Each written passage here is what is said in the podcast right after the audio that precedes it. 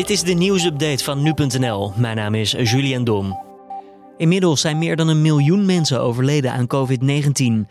Het gaat hierbij om geregistreerde gevallen. Mogelijk ligt het werkelijke aantal daardoor nog vele malen hoger.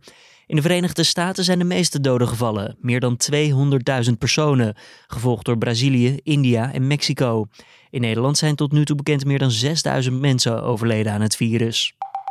Het aantal levend geboren baby's dat voor hun eerste verjaardag overlijdt, is sinds 2000 sterk gedaald.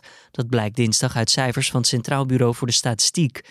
Als pasgeborenen overlijden gebeurt dat in driekwart van de gevallen in de eerste 28 dagen vanaf de geboortedag. Vooral bij jonge moeders van jonger dan 20 jaar was het sterftecijfer hoger dan gemiddeld.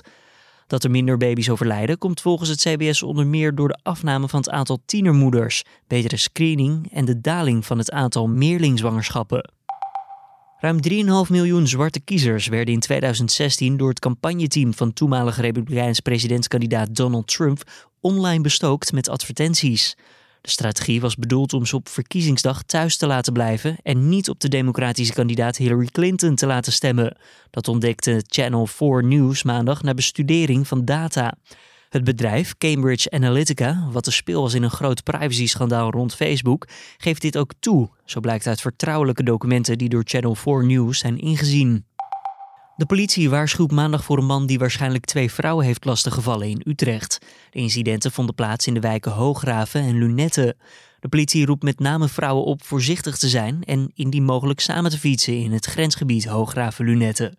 Op dit moment is nog niet duidelijk of het ook daadwerkelijk om dezelfde dader gaat. Daar wordt onderzoek naar gedaan. Wel roept de politie op om direct 112 te bellen als een man zien die zich verdacht gedraagt of een onveilig gevoel heeft. En dit was dan weer de nieuwsupdate.